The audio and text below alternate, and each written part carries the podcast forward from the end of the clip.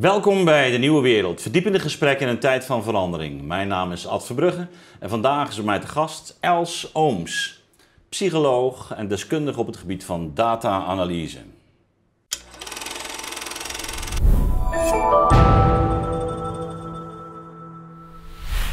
Dag Els. Dag Ad. Welkom in het uh, warme Leiden, het kleffe Leiden. Maar uh, we, we, hebben een, um, een mooi gesprek voor de boeg. Uh, pittig ook. Ik heb jouw bijdrage een aantal weken geleden aangehoord waar het gaat om eigenlijk de status van wetenschappelijke studies, ook op het, ja, ook op het gebied van, van corona. Ja. Um, daar gaan we het uitvoerig over hebben. We hebben veel te doen. Um, dus ik zal je af en toe misschien uh, even moeten afkappen. Uh, want om de, of we alles in een uur rondkrijgen, dat zal moeten blijken. Ja, voilà. Uh, maar ik was in ieder geval erg onder de indruk van je ja, toch wel hele grondige beschouwing over wat er ook rond cijfers en data allemaal ook misgaat in het, het debat rond corona. Je, we gaan dadelijk ook in op een aantal studies die zijn gedaan, ook door Pfizer zelf. Je grijpt gewoon terug op uh, eigenlijk, gewoon eigenlijk allerlei de bestaande gegevens. Hè? Laat ja. zien wat die nu impliceren. Ja. Um, ja, voordat we daar aan toe komen, misschien eerst maar eens de aftrap. Um, ja, er is natuurlijk uh, de afgelopen jaren enorm uh, teruggegrepen ook op de wetenschap. Ter rechtvaardiging van allerlei ingrijpende maatregelen. En uh, ja, jij zei, ja, ik vind het toch belangrijk ook om um, ja, de leek, of de, mensen die niet eigenlijk met die wetenschap zo bezig zijn, om die toch op de hoogte te stellen van wat hier nu eigenlijk gebeurt. En, ja. en, en wat voor verwachtingen we mogen hebben, maar ook uh, wat voor misvattingen we vooral niet moeten uh, hebben. Voilà. Ja. ja. Dus, dus laten we daar maar eens mee beginnen. Ja. wetenschap, wat mogen we ervan verwachten? Wat mag je ervan verwachten? Laat mij starten waarom dat ik vind hè, dat, het, uh, het hoog tijd werd om iets um, uh, duidelijk te maken aan, uh, aan de mensen. Hè. Dat is um, voor mij het immense contrast hoe er over wetenschap gesproken wordt en wat wetenschap kan zijn. Ja. Hè. Dat is, voor mij is dat dag en nacht. En uh, ik noem dat uh, wetenschap als een geloofssysteem, wetenschap als die misbruikt wordt.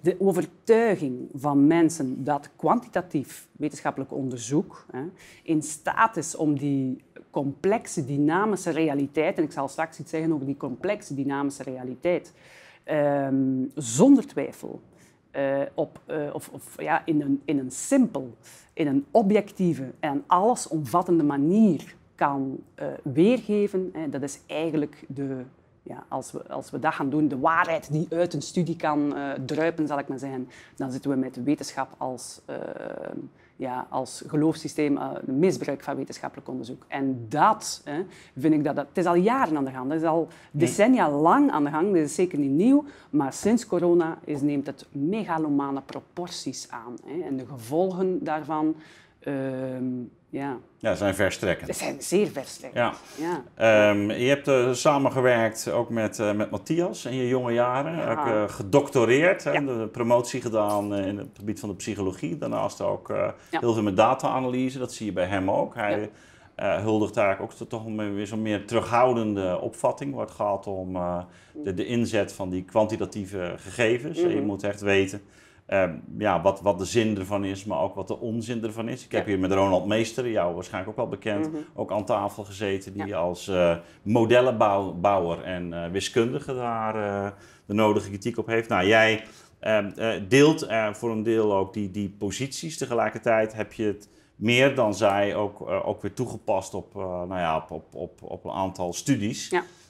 En is, dat is denk ik heel inter- interessant om naar te kijken. Ja. Ehm, ja, ja la- laten we eerst beginnen met eh, iets wat mij ook trof in jouw bijdrage destijds. Eh, dat je echt hamert op het belang van eh, methodische twijfel, Ja. of methodologische twijfel Ja. ook. Mis- misschien kun je dat eens toelichten. Ja. Ik ga mijn papieren erbij Ja, ja. houden, Nee, dat zeker. ik mijn, Ja. eh, eh, mijn selectief kan houden.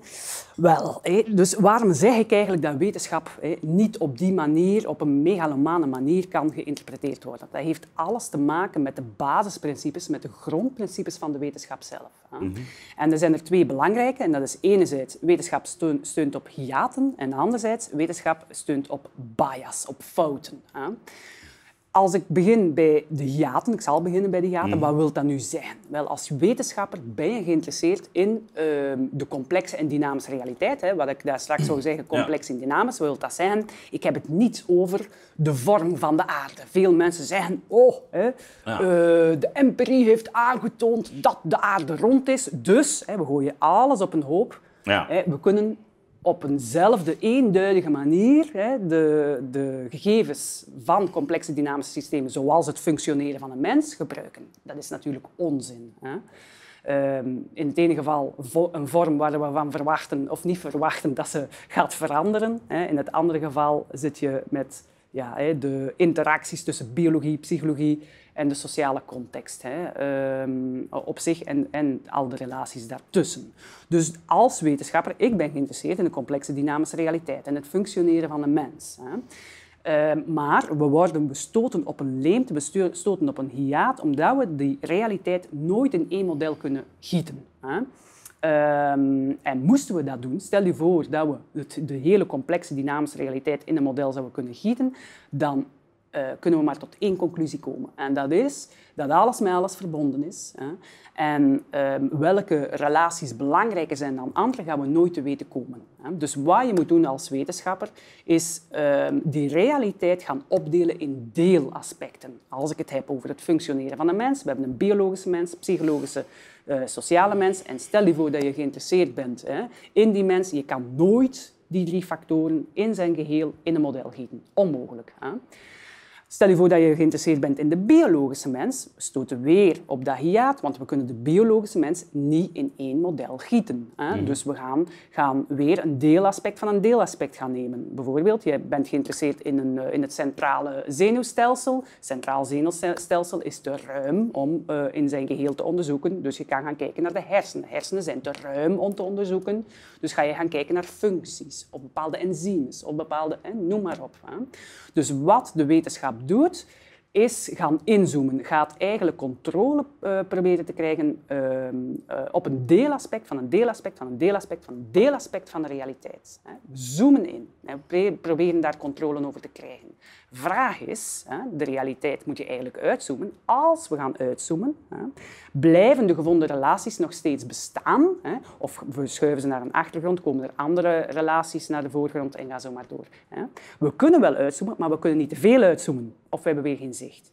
Dat bedoel ik met uh, de wetenschap steunt op, um, op, um, op uh, hiaten. Hè. Dus we ja. trachten een controle te krijgen op een deelaspect, op een deelaspect van, deelaspect van de realiteit. Hè. Ja, dat is, dat is heel belangrijk. En dat, en dat hangt natuurlijk ook helemaal samen met het soort kennis wat je wil. Hè. Ja. Want, uh, in ons geval, en de moderne wetenschap, gaat het natuurlijk ook vaak om, laten we zeggen, eh, bepaalde correlaties die kwantificeerbaar zijn, wetmatigheden. Dat is anders dan de Aristotelische wetenschap, ja. om maar een voorbeeld te noemen, ja. die, die helemaal niet zozeer daarop geënt was. Ja. En, maar wij hebben er toch een vrij mechanische blik, eh, kwantitatieve blik eh, op die. Dat is ook de manier waarop we die werkelijkheid eh, willen beschrijven, maar ook hoe we ze eventueel kunnen sturen. Ja. Want als je dus zo'n relatie ziet en je bent in staat om um, zo'n kwanti kwantiteit te beïnvloeden door een stof toe te dienen of door spanningen ergens op te zetten. Of, ja. nou, dan, dan, uh, ja, dan, heb, dan heb je ook in zekere zin greep op hoe het proces verloopt. Ja.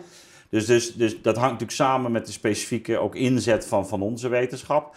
Um, het is hier ook vaker aan tafel ook al aan de orde geweest. Hè, dus dat hele vraagstuk rond modelleren. Hè, want we, in feite hebben we het natuurlijk ook over een, modellen die gebouwd worden waarin je uh, ja, werkt met, met ceteris paribus. Hè? Dus uh, je, terwijl jij zegt, ja, die realiteit mm-hmm. is nou juist die uh, dynamische ja. veelvuld, menigvuldigheid. Ja. En, en, en, en dat betekent dus dat je per definitie op het moment dat je dus zo'n dat type onderzoek doet, altijd, en hoe complexer het systeem wordt, hoe meer zich dat mm-hmm. voordoet, ja, eigenlijk hiaten hebt. Ja. En dat je dus ja, moet onderkennen dat, dat en, en daar is die twijfel dus ook voor nodig. Ja. Eh, dat je zegt van, aha, maar het kan bijgesteld worden. Uh, er moet er misschien een extra element bij. Of een combineren met andere disciplines. Of Ja. en misschien laat zich dit wel helemaal niet uiteindelijk modelmatig eh, met Ja. zekerheid omschrijven. En ik denk dat het belangrijk is dat we daarin eh, beseffen dat wat wij als norm en als normaliteit in de maatschappij definiëren, dat Hmm. dat het uitgangspunt is van onze modellen. Eigenlijk sluiten we al een stuk hè, bepaalde delen Hmm. Ja. af. Hè? Eh, Ja. Ja, vo- voordat er nog maar onderzoek gedaan wordt. Vooraleer Ja. dat nog maar onderzoek wordt Ja. gedaan. Hè. Dat is de subjectiviteit hè, Ja. die sowieso in dat onderzoek kruipt. Hè. Maar dat is natuurlijk ehm, ja, de, de hiaten in onderzoek. Hè. Ja, We hebben ook- de- dat tweede element, ehm, daar wijs je ook op. Hè? Ja. De, dus de, de, de vooringenomenheid. Hè? Mhm. En niet als iets van, nou, daar moet je van afkomen zomaar, maar de onvermijdelijkheid. Eh, leg dat eens uit. Wel, dat is de echte, waarachtige methodologische twijfel natuurlijk. Hè. Ja. Mensen beseffen ehm, niet dat elke studie hè, heeft zijn eh, methodologische fouten. Hè. De wetenschap op zich is al een onderzoeksdomein. Hè. Dus Ja. we, weten, we komen ook veel te weten van wat wetenschap kan doen en wat niet. Hè.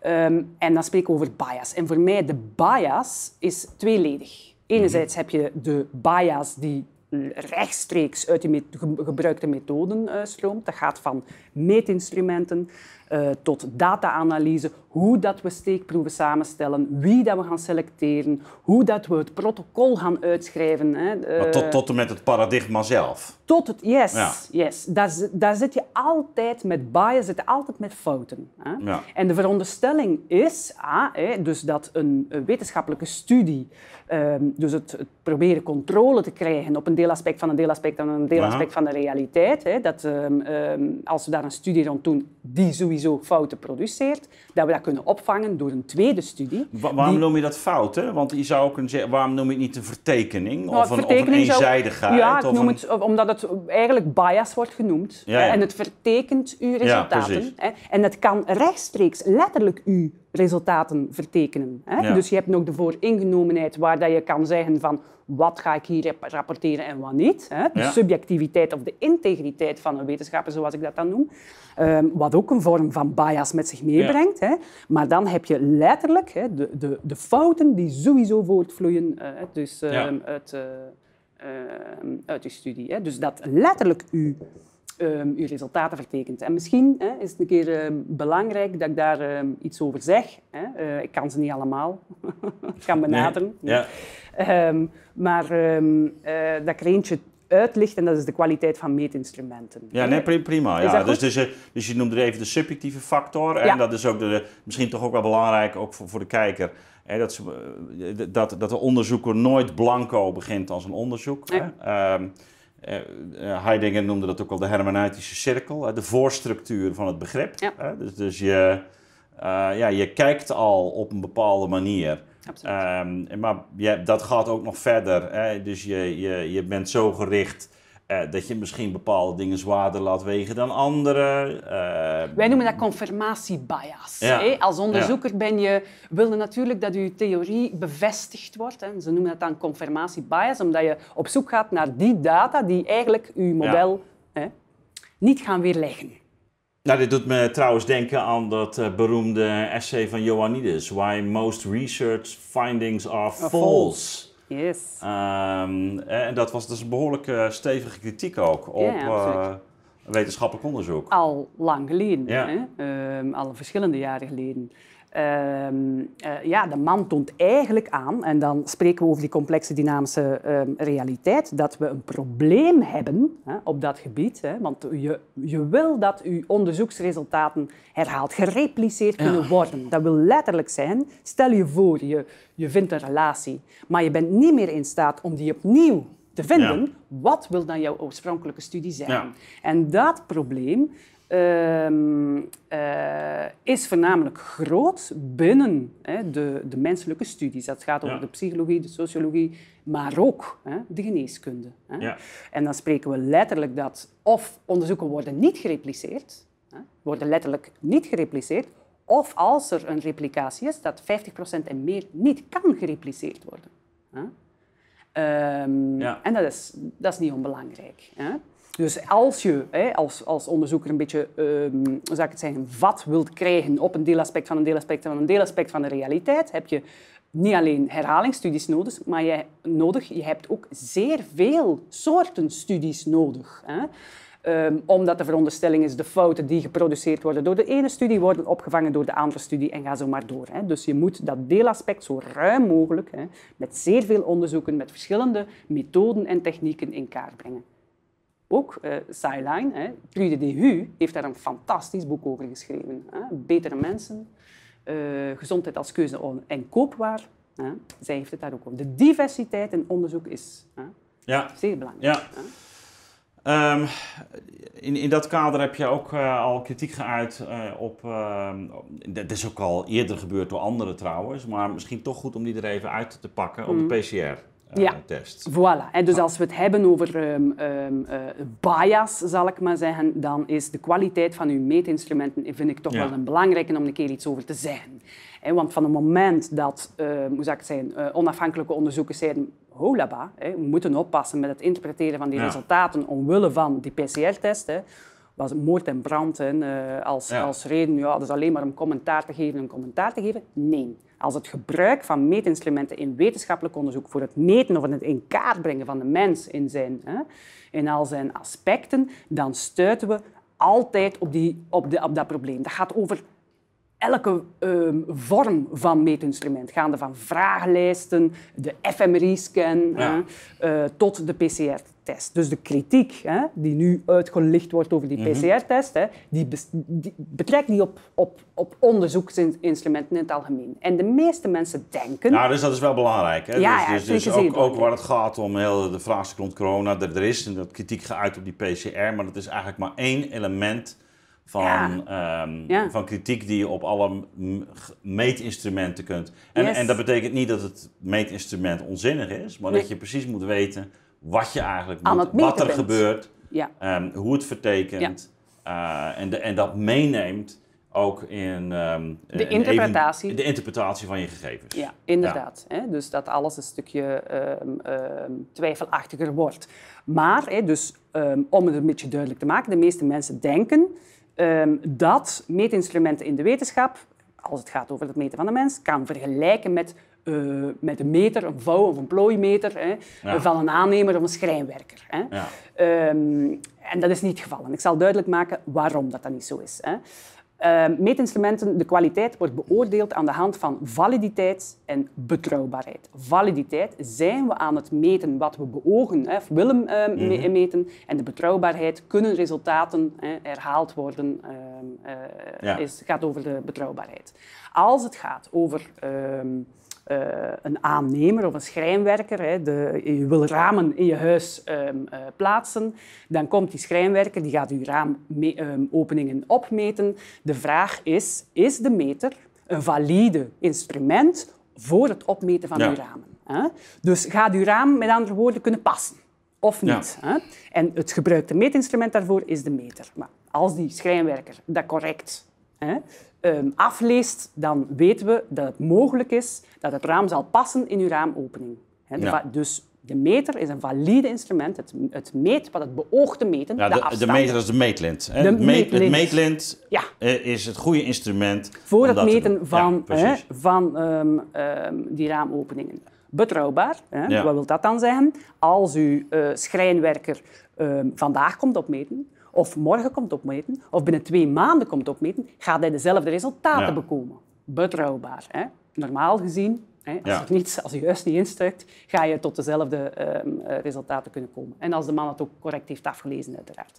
Dat zijn de twee zaken die in, bij wetenschappelijke onderzoeksinstrumenten een probleem vormen. Hè. En dan uh, niet alleen bij de PCR-test, ook ehm, uh, bij anderen. Bijvoorbeeld bij vragenlijsten of bij enquêtes. Hè. Wat heeft onderzoek aangetoond, bijvoorbeeld? Um, uh, dat de, letterlijk de volgorde van de vraag, komt een vraag op. Hè. Ehm, stel je voor, je wil, ik zal het duidelijker zeggen, hè, je wil bijvoorbeeld de mening van, van um, en dat is effectief een onderzoek dat gebeurd is, de mening van Amerikanen weten voor of tegen abortus. Ja. Ja? Dus je schrijft een enquête uit. Hè? Wat die onderzoekers deden, was exact dezelfde vragen stellen in een eh, groep 1 en een groep 2, maar de letterlijke vraag, bent u voor of tegen abortus, op een andere plaats in hun enquête plaatsten. Als de vraag bovenaan kwam, bijvoorbeeld op de derde plaats, hè, dan kwam het onderzoek letterlijk hè, tot de conclusie dat meer Amerikanen tegen abortus was. Van het moment hè, dat diezelfde vraag in de context naar beneden werd geplaatst, de twaalfde plaats bijvoorbeeld, dan kwam men tegenovergestelde resultaten uit. De meeste mensen hè, waren voor abortus. Ja. Ja. Wat is uw krantenkop? Ja. Wat is juist? Hè? Wat is niet juist? Dat specifiek over vragenlijsten. Hè? Of, die eh, worden natuurlijk op allerlei manieren gebruikt. Ook, Ja. ook wanneer we het hebben over hè, de bijwerkingen bij corona bijvoorbeeld. Ja. Hè, en mensen die eh, Ja. vragenlijsten moeten invullen. Ja, ja, Ja. absoluut, absoluut, absoluut. Hè. Die dan gecorreleerd worden met andere vragenlijsten, waar we, hè, we noemen dat dan content, content overlap. Hè. Als de ene vragenlijst een beetje dezelfde vragen heeft als de andere vragenlijst, dan ga je een correlatie vinden op basis van de gelijkenis van uw vragen, maar niet noodzakelijk van de gelijkenis hè, van, van, ehm, Ja. eh, van de resultaten. Hè. Daar, mijn doctoraat eh, is een van de artikels dat daarover Ja, over ging. precies. hè. Ja. Eh, ja, hè. Maar niet alleen bij vragenlijsten, hè, want mensen zeggen ja, vragenlijsten, maar laten we het hebben over de FMRI. Hè. En uh, Trude de Hieu hè, Ja, heeft het leg daar- even uit. Ja, hè, dus FMRI is, is het toestel dat eh, ehm, eh, de hersen- hersenactiviteit activiteit. in kaart brengt. En de veronderstelling is, dus eh, de validiteit zijn we aan het meten wat we veronderstellen te meten. De veronderstelling is dat, ehm, eh, al dat er hersenactiviteit is op deze plaatsen waar er meer zuurstofrijke doorbloeding is in de hersenen. Hè. Dat is de veronderstelling. Hè. En als je meer doorbloeding vindt, dan vinden we hersenactiviteit. Eh, en ik denk dat de Huda ook aan, aanhaalt in haar, in haar boek, hè, maar dat is een zeer bekend voorbeeld. Ehm, jonge onderzoekers hè, die, die eh, bezig waren met eh, de- zulke hersenscans, die gingen gewoon naar de supermarkt. Hè, hi, hi, hi, ha, ha, ha, we kopen ons een zalm we- waar de, al de ingewanden van uit zijn. En wat gaat er gebeuren als we die zalm onder hè, die scanner steken? Wat moest zij concluderen? Zalm hè, had hersenactiviteit. Ja, ja, ja. Hè? Dus Ja. eigenlijk zouden we dan moeten zeggen, goed, hè? Validiteit, zijn we aan het meten wat we veronderstellen te meten. Als we hersenactiviteit meten in een zalm, waar de alle ingewanden bij uit zijn. En dat is maar één voorbeeld. Hè. Ehm, hersenonderzoek en voedecorrelaties. Hè. Dat zijn, voedecorrelaties zijn opgeblazen eh, correlaties die eerder toe te wijten zijn aan ingewikkelde statistische formules dan effectief een, een verband. Hè. Maar mensen weten dat niet. Ja, en laten we even naar die PCR gaan. Want Ja. dat is natuurlijk, eh, Ja, ja, ja, eh, dat is een belangrijke, hè, dat is een ook in dit kader. Ja. hè? Oftewel, Ad, gaan we ehm, zeggen van handleidingen zijn niet meer belangrijk. Hè. Mhm. Ehm, eh, van mij kan dat. Hè. Eh, Ja. eh, maar in mijn beleving zijn handleidingen geschreven voor wat ze, eh, voor wat ze dienen. Op de site van de CDC en op de WHO kan je de handleiding gewoon raadplegen. Als het gaat over de PCR-test, staat er zeer duidelijk wanneer mag de PCR-test eh, gebruikt worden. Ten eerste al als eh, mensen symptomatisch zijn. Ik zal misschien eerst zeggen, wat doet die PCR-test natuurlijk? Hè? Ja. De meeste mensen zullen dat wel weten, maar kleine opfrissing. De PCR-test probeert delen van genetisch materiaal dat specifiek is voor eh, COVID te detecteren. Ja, althans, En wanneer het bij COVID wordt gebruikt. Ja. Als het bij Precies. COVID wordt gebruikt, ja. En eh, we kunnen dat niet zomaar zien. Hè. Men moet eigenlijk eh, de resultaten, hè, de, het, het, het materiaal dat men uit, uit uw neus of mond of keel heeft gehaald, hè, moet men, ehm, men moet dat gaan kopiëren. Hè. Eh, Amplifying noemt dat. Hè. Dus eh, men gaat dat verschillende keren moeten kopiëren om dat een stuk Ja. ehm, zichtbaar te maken. De veronderstelling is, zoals te minder kopieën dat er genomen eh, moeten worden, zoals te actiever is de pathogeen. hè. In het nu. Zoveel te hoger dat uw ehm, cycle threshold, noemt dat dan, hè, de cycles zijn, zoveel te meer kopieën dat je moet nemen, zoveel te eh, groter is de kans dat het over een doodvirus gaat. Hè, iets dat uit het verleden is. Ja. Ja. Ehm, Bon, hè? dus wat zegt de handleiding van... Je hebt dan cycli, hè? Waarmee Cycli. Ze, Ja, cycli. Ze noemden dat CT, dus de cycle threshold. Hè, dus, eh, en je kan dat zien. Dat is al belangrijk, hè, want als je bijvoorbeeld naar onderzoek gaat gaan kijken en we kijken naar resultaten van eh, de PCR-test, hè, wat die cycle threshold, dat is niet iets dat... Daar wordt nog altijd over gediscussieerd. Hè. Ja. Mensen weten dat niet, maar eh, wordt maar- waar moet- moeten we dat precies, Precies, leggen? Wanneer zitten we met vals positieve ehm, ehm, eh, resultaten en vals positief in de zin van eh, men test positief, maar het gaat over een dood eh, stukje virus. Eh, dat zijn vals positieve resultaten en wanneer niet. Hè. Eh, verschillende labo's gebruiken andere richtlijnen, hè, dus je kunt ze niet zomaar ehm eh, cycle threshold, zal ik maar zeggen. Hè. Je kunt niet Ja. zomaar die resultaten gaan vergelijken met elkaar. Dus als je een onderzoek hebt, eigenlijk zou daarbij nog maar moeten vermeld Ja, worden. want bij 25 heb je die uitkomst, bij Ja, 30 heb je die, uitkomst. Ja. Voilà, voilà, voilà, voilà. En eh, wat staat er in, letterlijk in die handleiding van de CDC? We kunnen de PCR-test, de PCR-test, hè, dient gebruikt te worden bij mensen die symptomatisch zijn. Ja. Maar maatschappelijk gezien hebben we de PCR-test gebruikt bij, bij iedereen. Asymptomatisch hè, ehm, eh, en symptomatisch. Punt is, die eh, PCR-test kan niet zijn dat iemand ziek is. Hm. Dat kan zeggen, hè, dat kan het detecteren van ehm, Dat, dat, een deel van het genetisch een, materiaal. Dat een virus, een, een virusdeel een of een virus aanwezig, aanwezig is. is. ja? Ja. En dat ehm, verondersteld wordt actief te zijn. Wanneer kan het actief zijn? Als je symptomen hebt. Maar als je iemand gaat testen die asymptomatisch is, wat ben je in godsnaam aan het Hm. meten? Nu kunnen we daar... Ja, letterlijk staat het daarin. Hè? Je moet al de veronderstelling, je moet al weten of iemand ziek is om de PCR-test... Hè? Dus, Ja, en, zelfs dan heb je nog geen zekerheid of, Nee. of de ziekte die hij heeft ook, ook eh, werkelijk degene is die in de Inderdaad. PCR's... eh, Want van het moment dat het genetisch materiaal, het deel van het genetisch materiaal, gelijkend is op dat van eh, COVID, ga je ook positief testen. Maar dat wil nog niet zeggen dat je Ja. COVID-19... Het is niet dat je kan zijn... Ah, we veronderstellen dat we iets specifiek aan het meten zijn voor COVID-19, maar letterlijk staat er in de handleiding... Hè, ik, zal het, ik zal het erbij nemen, hè staat er ehm, detection of viral ehm, RNA may not indicate the presence of infectious virus. Dus het zegt u niet Nee. dat je nu hè, Ja. eh, besmettelijk bent, eh, ja dan nee. Ehm, or that the SARS-CoV-19 ehm, is the causative agent of for clinical symptoms. Hè? Dus het kan dat niet zeggen. Hè? This test cannot rule out diseases caused by other bacterial and viral pathogens. Ja. Het kan dan niet. Hè. We moeten daar, dat is de, de, het zijn letterlijk de limiteringen van de test. Dat is geen diagnostische test. Hè. Dat kan Ja. twee dingen.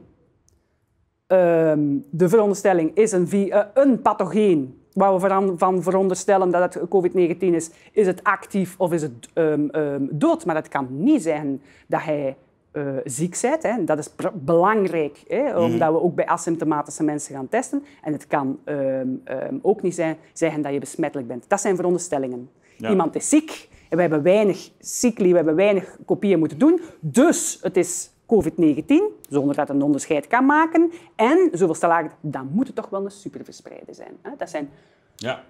Ja. Huh?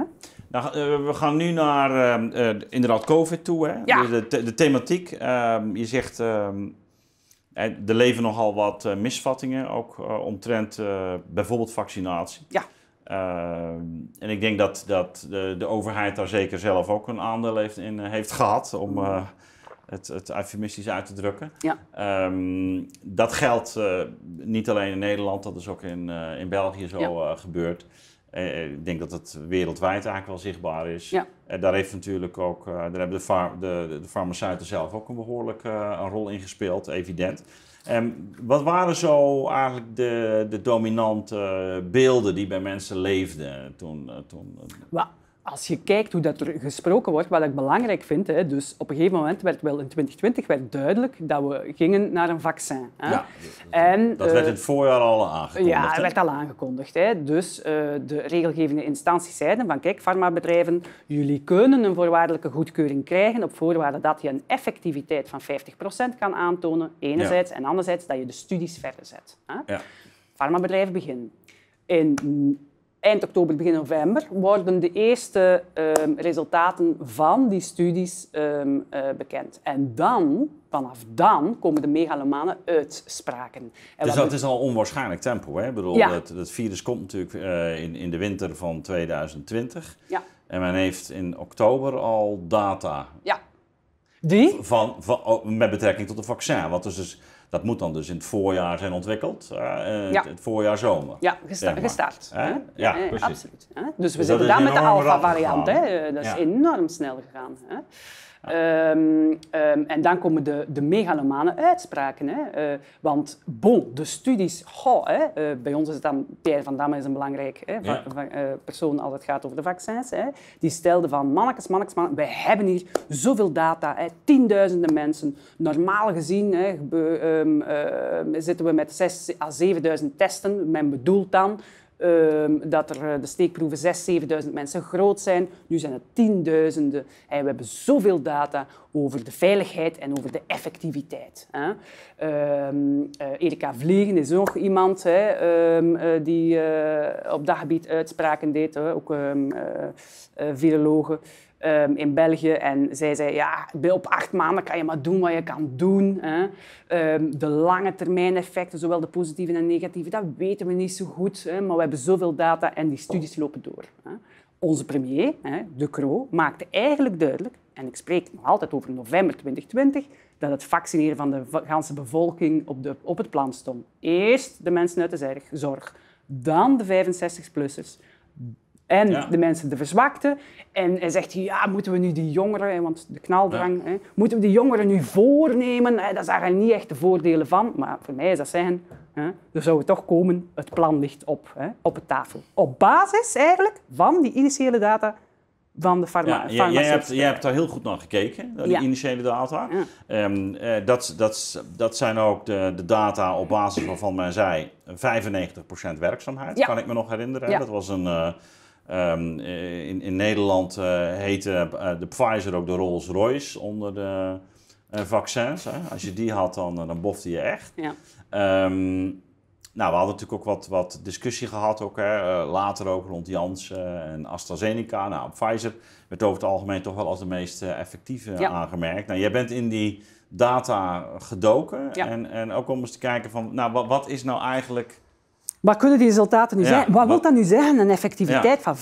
En dit, zijn- dit zijn gewoon, eh, hier, hier heb ik eh, een, een, een overzicht hè, over Ja. die 40.000. Hè. Ja, wel ja, dus Eh, een, een- een, een detailtje. Een detailtje, Ja, een detailtje, maar toch al vrij verhelderend. Ja, oh ja, Dus, hè. dus, dus vertel. Oh, wel, laat ons eerst zeggen, als je zo'n uitspraken doet, wat dat mensen veronderstellen, hè, Ja. hè, een effectiviteit van 95%, yes. Hè, Ja. Ehm, eh, mensen, en dat gaat niet alleen over België, gaat over Nederland, dat Ja, over Europa, nee, Europa, zeker. heel de Ja. wereld. Hè. Mensen gingen hè, veronderstellen dat het vaccin het reduceert en voorkomt ernstige COVID. Ik ga gewoon een keer aflezen. Hè. Ehm, het reduceert en of voorkomt hospitalisatie. Het reduceert en of voorkomt sterfte. Het reduceert en of voorkomt verspreiding van SARS-CoV-2. En ehm, ernstige nevenschade werd onderzocht en vormt geen bedreiging. Alle bovenstaande punten werden uitvoerig getest bij alle leeftijdsgroepen met en zonder onderliggende aandoeningen. Als ik dat, en ik spreek nu letterlijk, hè, Ja. vanaf november gingen mensen dat denken. Op wat baseren ze zich, als je zo'n uitspraak doet, op de initiële data. Ja. Nu, ehm, eh, Pieter Houtes, het is geen onbelangrijk man, hè, het is eh, de decaan eh, van de universiteit hè, van de tropische, eh, eh, letterlijk de National School of Tropical Medicine at Baylor College of Medicine in Houston. Een hele naam. Hè.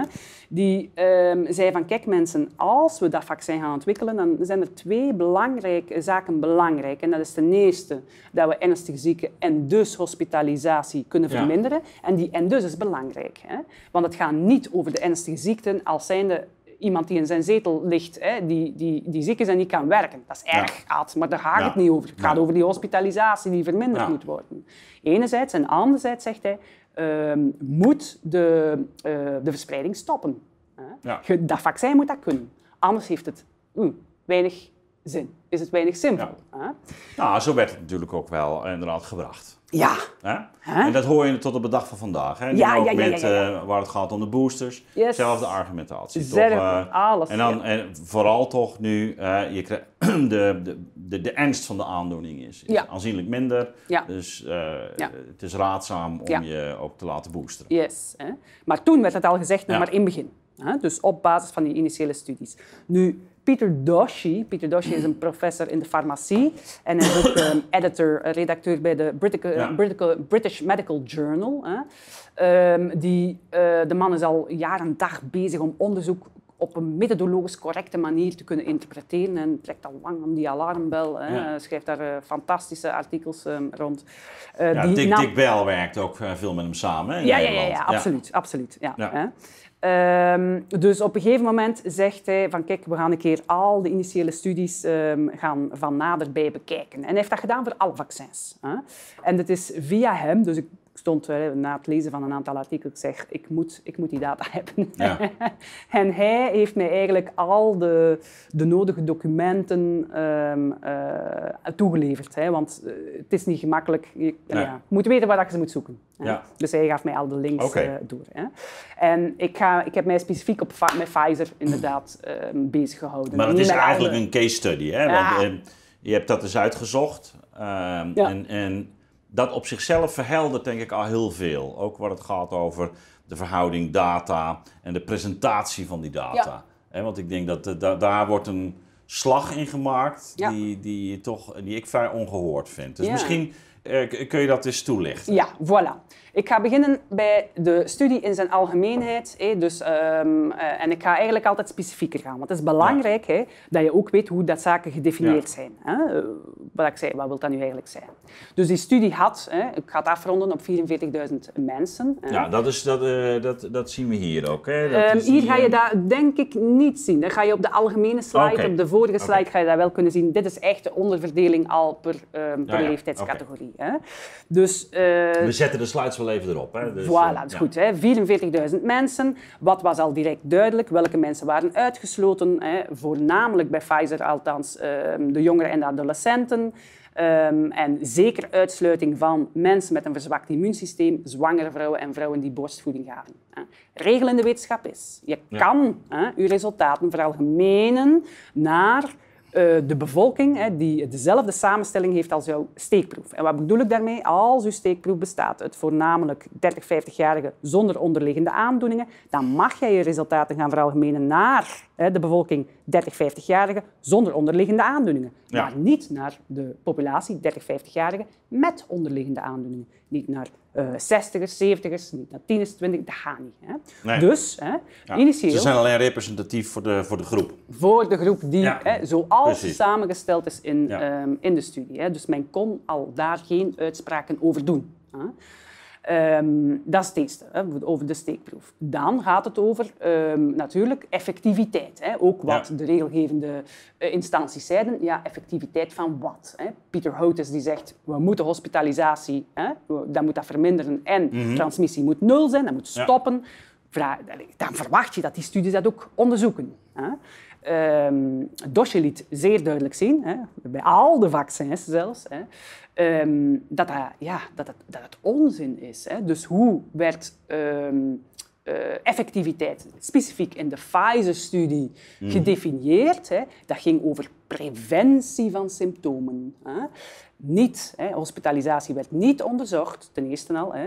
En ten tweede, eh, transmissie werd niet onderzocht. Als iets niet onderzocht wordt, had, dan kan je daar geen uitspraken over doen. Dus waarover kon die studie uitspraken doen? Over de preventie van symptomen, hè, algemeen. Hè. Ja, dat is heel belangrijk. Hè? Dan keren we weer terug ook naar wa- wat onderzoek je nu eigenlijk? Ja. Hè?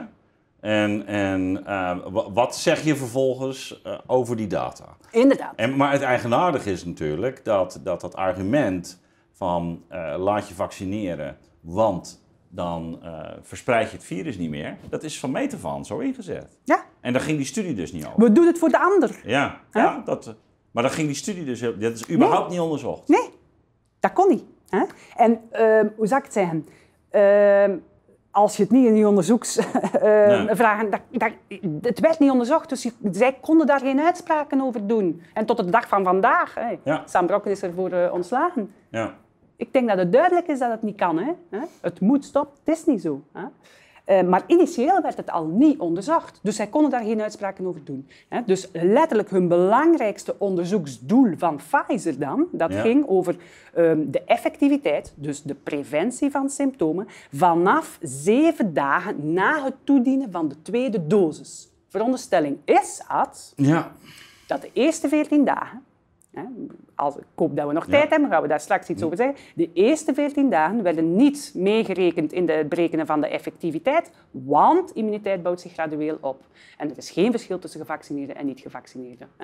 Wat hè, studies aantonen dat het onzin is. Maar goed, Ja. hè, dus dat Dus is we geen... begonnen eigenlijk pas na die tweede prik die effectiviteit Ja, de berekening van 95% hè, gaat over de, Hm. de het preventie van symptomen, waar ik zoiets nog iets ga over Ja. zeggen, de preventie van symptomen vanaf, gerekend vanaf zeven dagen na het toedienen van de tweede dosis. Hè. Ja, en dan, dan ben je dus waarschijnlijk drie, vier weken verder, hè? of zoiets. Hè? Eh, Ehm, eh, wacht, ze, eh 21 dagen, ja. 21, dagen, ja, zoiets. ja. Ja. Eh, en, om dat nog even in herinnering te brengen, en dat is dus bij een specifieke groep eh onderzocht. Ja, bij, hè, tweede, Ja. algemeen, bij wie werd dat dan onderzocht? Bij mensen met en zonder voorafgaande infectie en bij mensen zonder voorafgaande infectie. Initieel Ja.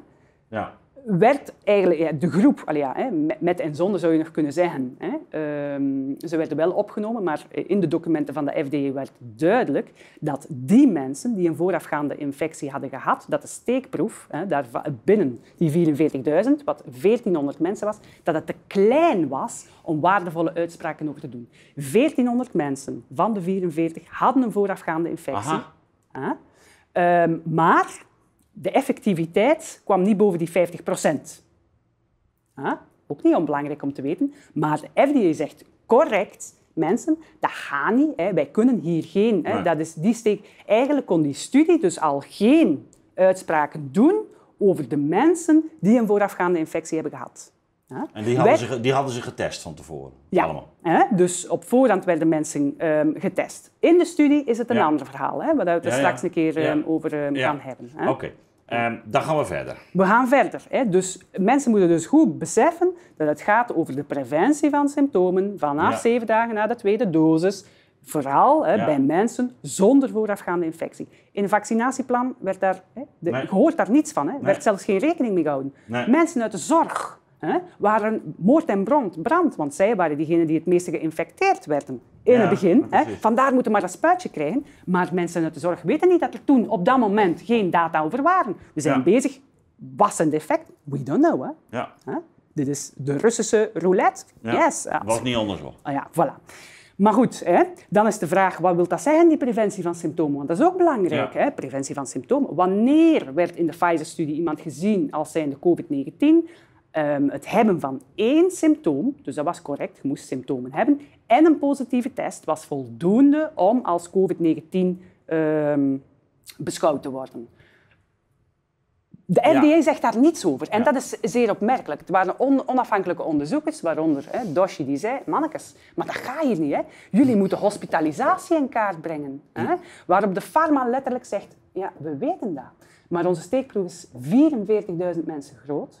Hospitalisatie komt zo weinig voor. Hè.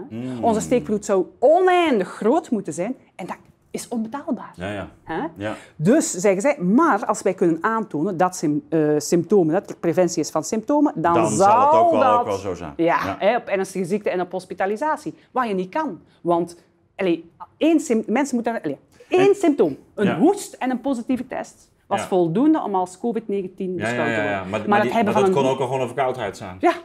Hè? Ja. Maar goed, hè, als je rekening houdt met wat de PCR-test kan, dan kun je Ja. dat veronderstellen. Maar laat ons nog zeggen, Oké. het is. COVID, maakt niet uit. Maar we weten allemaal dat eh, het hebben van een hoest niet zorgt dat je binnen twee dagen in het ziekenhuis ligt. Dus die preventie... Hm? Dus wat zeiden onafhankelijke onderzoekers? Uw eh, symptomen moeten al van een bepaalde ernst zijn, vooraleer dat je die hypothese kunt for- formuleren. Ja, en, en men vergeleek dan met de ongevaccineerden. Dat, dat is de... Ja, ja, ja, absoluut. Nee, dat, is, dat is wel belangrijk. Ja, ja, ja Dus altijd, altijd. Hè? Dus eh, het, het, ehm, het, eh, de oorspronkelijke studie was letterlijk hè, de golden standard, hè, het wetenschappelijk onderzoek, de double-blind RCT, hè, Randomized Control Trial, hè, waar dat je letterlijk ehm, de placebo-groep en de vaccingroep eh, eh, gaat bekijken. Oké, volgende stap. Volgende stap. Dus, hè, ehm, als we het dus hebben, dan hebben we het over de preventie van minstens één symptoom en eh, Ja. een positieve test vanaf zeven dagen na het toedienen van de tweede dosis. Bij wie? Bij mensen hè, zonder voorafgaande infectie. Ja. Dan is de vraag, want bon, hè, fantastisch toch, hè, er was ongezien zoveel mensen hè, die meededen aan de studie. Over hoeveel mensen ging het? Ja. Initieel, hè. Initieel ging het over 170 mensen. De effectiviteit.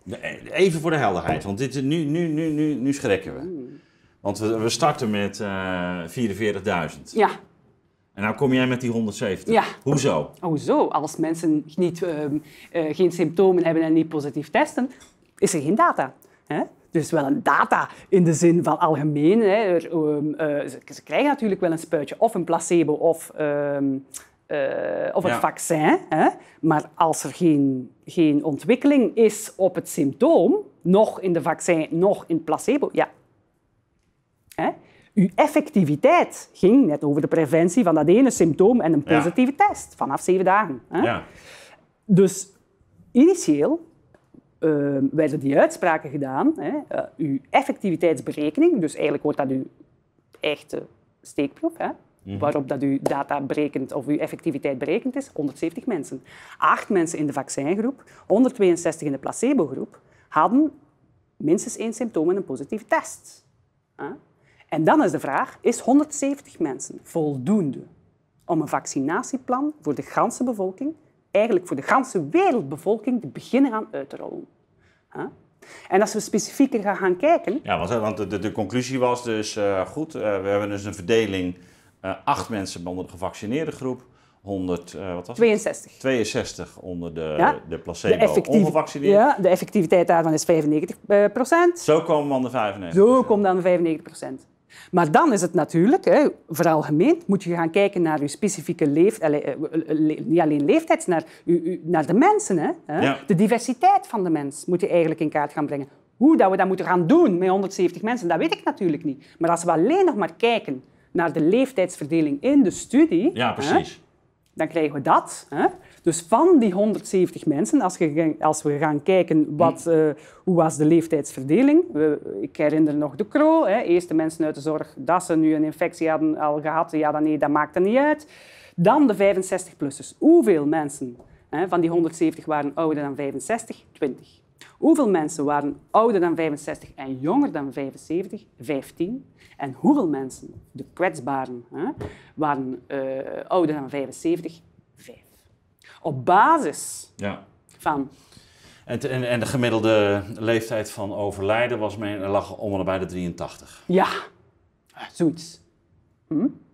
Vijf mensen. Hoe in godsnaam ga je dan nog eens een keer gaan kijken hè, naar een onderverdeling van, Ja. eh, van onderliggende aandoeningen? Ja. Van, eh, niet alleen van onderliggende aandoeningen, de cocktails van de medicijnen. Ja. Hè, de, noem maar op. Hè.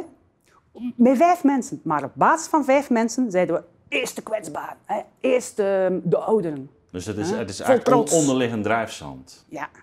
ja.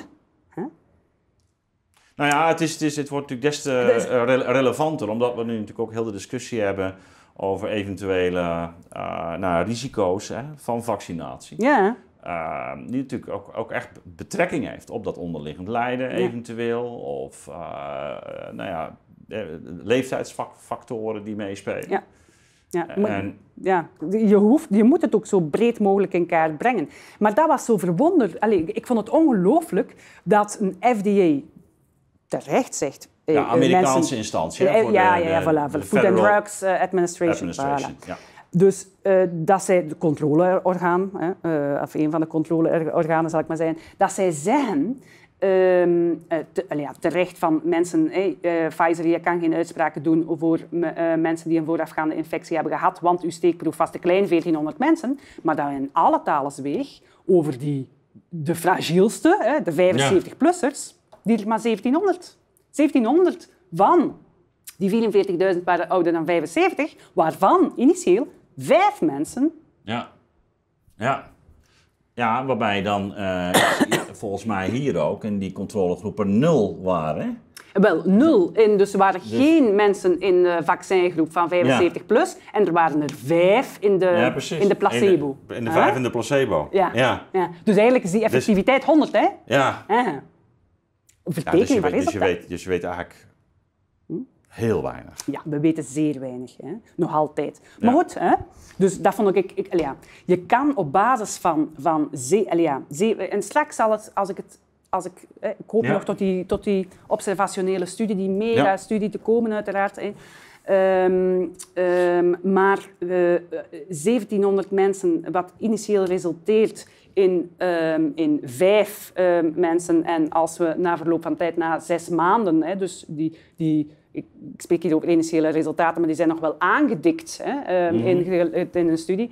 Uiteindelijk komen maar dan 27 mensen van de 1700 hè, op zes maanden tijd die Hè, dus we doen uitspraken, zelfs na zoveel tijd, voor zo'n fragiele groep op basis van 27 mensen. Hè. Initieel op basis van 5, want we starten al. Ja. Die 27 waren nog niet geweten. Hè. Die zijn geweten. Hè. Die resultaten kwamen naar eh, maart, eh, april, juni, mei. Hè.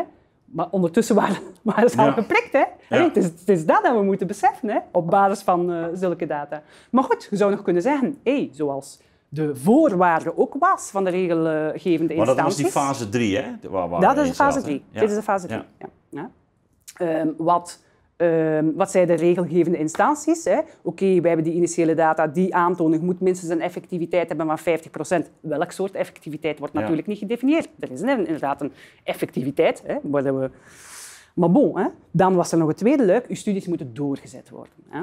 En natuurlijk, wat wil dat zeggen, dat studies doorgezet worden? Want de voorwaardelijke goedkeuring werd aan Pfizer gegeven op 11 december 2020. En geen vijf dagen later, geen vijf dagen later, deed men hun steekproef teniet. Men ging hè, hun steekproef gaan unblinden. Wat wil dat zeggen? Mensen die het placebo hadden gekregen, Ja. kregen de kans om het vaccin Ja. te nemen. Hè?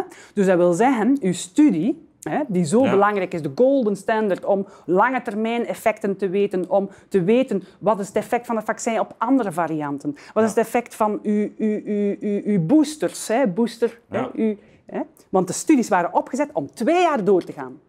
Twee jaar. Hè? Ook op, hey, we zouden veel meer informatie hebben, zowel voor de negatieve als de positieve. Nee. Hè?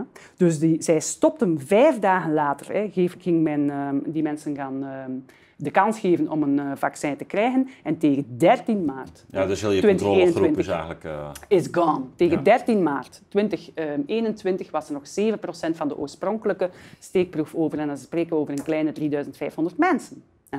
Dus zelfs uw effecten op zes maanden tijd, op Ja. basis van 7%. ja.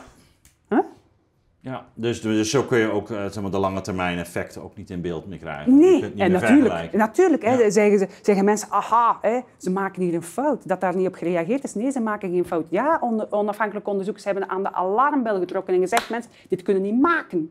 De controleinstanties die zelf zeiden van, als we deze studies, als ze deze studies gaan stopzetten, dan gaan zoveel belangrijke informatie weggaan. Niemand die, die, die zegt van, hey pharma, Mm. hè, ah nee, want studies worden verder gezet. Natuurlijk worden studies verder, eh, verder gezet. Maar dan is de vraag had, hè, als het nog Ja. maar gaat over die zwangere vrouwen, hè, Oh ja. Mhm. die uitge, uitgesloten waren. Als hè, ehm, die SCT's opge, opgesteld worden en je steekproef is 2000 mensen groot, wat zegt dat dan als je weet hè, hoe dat initieel eh 44.000 170 mensen oplevert, wat zegt 2000 mensen? Hè? Hoe, hoe, hoe gaan we dat gaan vertalen? We kunnen toch niet zeggen, elke zwangere vrouw is hetzelfde, hè? Ja, ja, Dat is hetgeen waar we Ja. vanuit gaan. ja. Dus ehm, hallucinant. Hè? En dan... Sorry, hè? Ja, ja, ja. ja, Ik ja, het het ook, omwille van... Ga je naar Dagan toe? Ik, ga- ik, ga, ik ga naar het niet systematisch testen. Ah, maar allee, Dat doe- is doe- nog een belangrijke. Ja, nee, dat is goed. Dat is nog een belangrijke. tussendoor. Oké, ja. Want het hallucinante was, als ik die protocollen las van die studie, dat de belangrijkste studie van Pfizer niet systematisch ging testen. En wat wil ik zeggen? Dus initieel werd het getest. Mensen werden ook Ja. getest één dag voor dosis 1 en één dag voor dosis 2. Hè? Maar niet van het moment dat ze symptomen hadden, werden ze niet meer getest. En waarom is dat belangrijk? Omdat de symptomen van de systemische neveneffecten, trillen, beven, koorts, Ja. bijna copy-paste zijn met de symptomen van COVID-19. Dus men, je verwacht, als je dan toch een onderscheid wilt maken, dat je iets moet hebben om te weten, gaat het hier over COVID of gaat het over een ander pathogeen, gaat het hier over een systemisch hè, neveneffect of gaat het over COVID-19. Dat werd niet systematisch gedaan. Wat moesten mensen doen? Mensen moesten online een dagboek invullen en ze moesten al hun symptomen daarin rapporteren, ook welke medicatie dat ze namen, in de zin van welke pijn ehm, en koortswerende me- medicatie. Die data kwamen binnen hè, op, in de onderzoekslabo's en dan vanuit de PC gingen de onderzoekers zeggen, is dit nu een symptoom? Rekening houdend dat één symptoom voldoende was. Is dit een noest? Hè? Of Ja. is dit koorts omwille van een systemisch neveneffect? Of is het ehm, eh, omwille van COVID-19? Hè? Zij gingen bepalen dat er een test moest afgenomen worden, ja dan nee. En dan zou je nog kunnen zeggen, ah, van het moment dat die arts zei, hey, mensen moeten getest worden, we gaan ze naar het labo ehm, ehm, laten komen. Nee, dat was niet de regel. De regel was, diegenen die er geraakten, mochten eh, naar het labo komen en dan werd de test afgenomen. Maar diegenen die niet in het labo geraakten, die mochten thuis de test uitvoeren. In een zakje steken en opsturen. Dat zijn al zeer veel veronderstellingen, hè? Niet alleen, ik hoop dat mensen, allee, hè, dus de double blind, het feit dat een onderzoeker moet blind zijn, hè, gaat het hier over iemand die in de placebo zit of Ja. iemand, is, is zeer belangrijk. Hè? Want je kunt, als je dat niet Ja. hebt, dan kun je data gaan, gaan sturen. Ja. Hè? Los van al de... Hè? Ja. Dus dat is ehm, ehm, het, ehm, het hallucinante. Hè? Hè? En dan krijg je nog zoiets, wat maakte die, die protocollen nog duidelijk, dat je eigenlijk drie groepen had. Je had de groep hè, ehm, eh, ontbrekende data, hè. je had nog een groep die, waar men geen data van had en geen data, geen testdata van had. Dat noemde men dan de ontbrekende data. Dan had je nog een, een categorie vermoedelijke gevallen en je had een categorie potentiële gevallen. En de FDA zei in rapporten terecht, Pfizer. Hè? Je hebt hier ontbrekende data. Normaal gezien, als je hè, de subjectiviteit, ethische houding van een Ja. onderzoeker brengt, de, al de data zo goed mogelijk in kaart. Hè. Ehm, FDA zei Pfizer, hè, eh, jullie moeten hè, eh, wel iets zeggen over die ontbrekende data. Wat is het effect hè, als je de ontbrekende data van 700 mensen waren geen data, eh, meeneemt in de berekening van uw effectiviteit? Hè? Eh, waarom is dat belangrijk? Als ontbrekende data op een of andere manier uw effect zou kelderen, dan mag je een zeer groot vraagteken zetten bij uw initieel berekende Ja, effectiviteit. effectiviteit. En ehm, dus die onderzoekers deden dat. En de 95 procent, mits in rekening brengen alleen maar van die ehm ontbrekende data, data. ging naar 70 procent. Ja. Dat is een drop van 25 procent.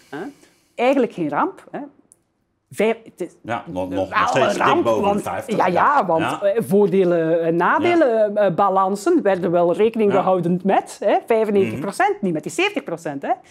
Maar goed, hè, 70 procent nog altijd in orde, want eh, de voorwaarde was 50 procent. Maar dan had je nog ander, twee andere categorieën. En dat was de categorie van de vermoedelijke gevallen. En wat was een vermoedelijk geval als de onderzoeker zei... Ehm, dit gaat over een ehm, eh, COVID-positief, maar de test was negatief. Hè? Ehm, dan was dat een vermoedelijk geval. Hè? En ik vond het verwonderlijk dat, dat de FDA daar niets over zei, over, over die En dan categorie. ver- vermoedelijk was dan op basis van die data die... eh, Ja, die- dus de die- onderzoeker die- zei- die- Dit is een symptoom Ja. van COVID. Ja. We gaan een test doen, maar die test was negatief. Hè? Je zou nog kunnen zeggen, op zich, hè, dat is, dat is Ja. correct. Hè? Maar als die test ervoor zorgt dat hij uw resultaten niet moet gaan rapporteren, hè, eh, dan is het nog maar de vraag waarom dat men niet systematisch gaan testen is. En waarom zeg ik dat? Omdat het zeer duidelijk was, en de FDA wist het maar al te goed, hè, want er stond in de rapporten dat het aantal vermoedelijke gevallen hè, bij eh, de vaccingroep 26 keer groter was, 26, en de placebogroep eh, drie keer groter was. Als je die data, het ging over 4000, hè, eh, een kleine 4000 eh, Dus eh, al, die, mensen. die, zijn al die mensen die, dat, eh, die, die netjes dat logboek hadden Ja. bijgehouden. Ja. Ja, ja. Hè? Dus Dus, die waren niet getest, hè? maar, of die werden getest, sorry. Ja, eerst werd de oordeel, oordeel ehm, gaat het hier over COVID-19 of niet? COVID-19, wij zeggen COVID-19, oei, nee, toch niet. Hè? Dus Ja. ehm, eh, Ja. het is niet zo. Hè? En dat, en, dat, en dat lag 26 keer hoog bij de uh, de, bij de vac- gevaccineerde groep zou nog kunnen zijn. Hè? Vandaar dat ik zeg, je ze zou nog kunnen en ze zeggen, vervolgens die fantastisch. vermoedelijke gevallen hebben ze niet meer meegerekend. Nee. Nee, en, niet, ze hebben ze niet meegerekend. Op zijn minst hadden ze moeten zeggen, had de FDA moeten zeggen, hallo, hè, wetende Ja, waarom dat, hè, de PCR-test en Ja. hè, laborresultaten en thuis. eh, ja. Het punt is, als, als je zegt, mijn test bepaalt waarom dat ik zelfs niet die data in mijn studie moet vermelden, als, als een Ja, test dat doet, dan had je systematisch moeten testen. ja. En als ze die effectiviteit rekening houden met die ehm, eh, vermoedelijke gevallen, hè, als we daar de effectiviteit, als we dat mee in de effectiviteitsberekening nemen, dan zakt uw effectiviteit naar 33% Niet meer voldoende. Hè. Dan had je nog de categorie potentiële gevallen. En dat, waren dan, dat is nog iets hè, dubieuzer. Dat waren de mensen die beoordeeld werden de- dat de symptomen gingen over een systemisch neveneffect. Maar, dus die werden eigenlijk niet getest. Hè? Mhm. Niet getest, maar op een of andere manier zijn die mensen toch aan een positieve test geraakt. Hè? Via een werk of omdat ze moesten reizen. We don't know, dat staat er ook niet in. Hè? Ze vermelden de categorie, maar over hoeveel mensen dat het gaat. Hè? Over ehm, eh, eh, ehm, eh, ja, hoe dat ze aan die test ehm, dat komen en wat de effecten daarvan zijn op de e- uiteindelijke effectiviteitsberekening, dat weten we niet. Hè? Dus het Ja, oordeel is- was... ja, hier hè? zien we inderdaad. Hè, dus je meetinstrumenten, de, de vragenlijsten, de keuzes die je maakt, die gaan dus... Inderdaad, En- subjectiviteit. Maar daarmee zou je bijna zeggen, heeft men het al zo ingericht dat men daar ook mee op die manier mee kon spelen. Goeie vraag, hè? Goeie vraag. Nou, in, want- ieder, in ieder geval eh, gaf hen dit wel de mogelijkheid om het, om het te doen. om het te doen. En zeker, hè, eh, wat was er nog zo ehm, opvallend, was, eh, je zou dan zeggen, oké, het oordeel en die test is belangrijk, is het belangrijkste en nu, hè, dat is hoe dat we tot onze data komen. Nee, Pfizer had nog een extra commissie die achteraf ging nagaan, hoe hebben ze die data onderverdeeld, hebben ze dat correct, echte COVID, hè? Nee, echt? Ja. COVID-19, positief geval, vermoedelijk geval, potentieel geval. En zij gingen daar naar kijken. Waarom, Ad? En op Hm. Ja. welke basis van welke criteria? Je, Ja. moet in je, product, je moet alles Ja, duidelijk je had, je had het natuurlijk ook gewoon op kunnen nemen. Zeggen, nou ja, als dit dan dat, als dit dan zo. Yes. En, Ja, maar dat hebben ze niet gedaan. Nee. En onderzoekers hebben ook gevraagd, hey Pfizer, op wa- Ja. waar hebben u gebaseerd? Hè? Maar dat, maar dat, dat moest je dus echt eruit halen eigenlijk. Of dat hebben mensen dus er echt dat, uitgehaald. dat is letterlijk... dit- ja. dat staat in het protocol. ja. Hun Ja, protocol. Dus een, hè, grote studies moeten protocollen. Hè, van, hun studie moet van A tot Z Ja. uitgeschreven worden. Dus dit, En dit het kun is- je gewoon uit het protocol Oh, protocol, ja. Ja. En het protocol, waar dat ook de definities, welke meetinstrumenten, hoe dat ze mensen hebben, dat bepaalt uiteindelijk de, de, de interpretatie van hun resultaten. hè. Helder. Bedenkelijk, bedenk- bedenkelijker. Hè. Voilà. Jij ehm, eh, spreekt zelfs ook over een crisis van de democratie hè, als, Ja. gevolg, als gevolg hiervan. Ja. En dat is natuurlijk ook, democratie leeft bij de garantie van tegenspraak, net als wetenschap. En op het moment dat dat natuurlijk niet meer mogelijk is, eh, maar ook, ook eh, die wetenschap zelf eigenlijk ook niet meer zich zijn eigen begrenzingen eigenlijk eh, voldoende eh, onderkent, dan zitten we inderdaad in een gevaarlijke situatie. Ja. Yep. Inderdaad. Ik eh, dank je voor je komst. en voor je bevlogen en betrokken, eh, nou ja, toch ook, ook analyse van wat hier, wat hier gaande is. En ja, ik stond er zelf ook echt wel weer van te kijken ook hoor, om, om, om wanneer het gaat over die getallen. En om, om, Ja. dat we toch ehm, in de media zien hoe, hoe we met eh, zekerheden worden bestookt. Ja. En het contrast is, is gewoon te En, terwijl de onderliggende data eigenlijk Ja. Voorzichtigheid, dat is het Ja. pleidooi van Ja. onafhankelijke onderzoekers. Is, laat ons voorzichtig, laten we dat verder eh, bekijken, dat is niets mis mee, maar zij voorzichtig. En die voorzichtigheid is weighaat. En daar zit het gevaar. Ja. Daar zit het gevaar. Els, dankjewel. Dankjewel voor de uitnodiging. Beste kijker, als je meer van dit soort uitzendingen van de Nieuwe Wereld wilt blijven volgen, abonneer je dan op ons kanaal.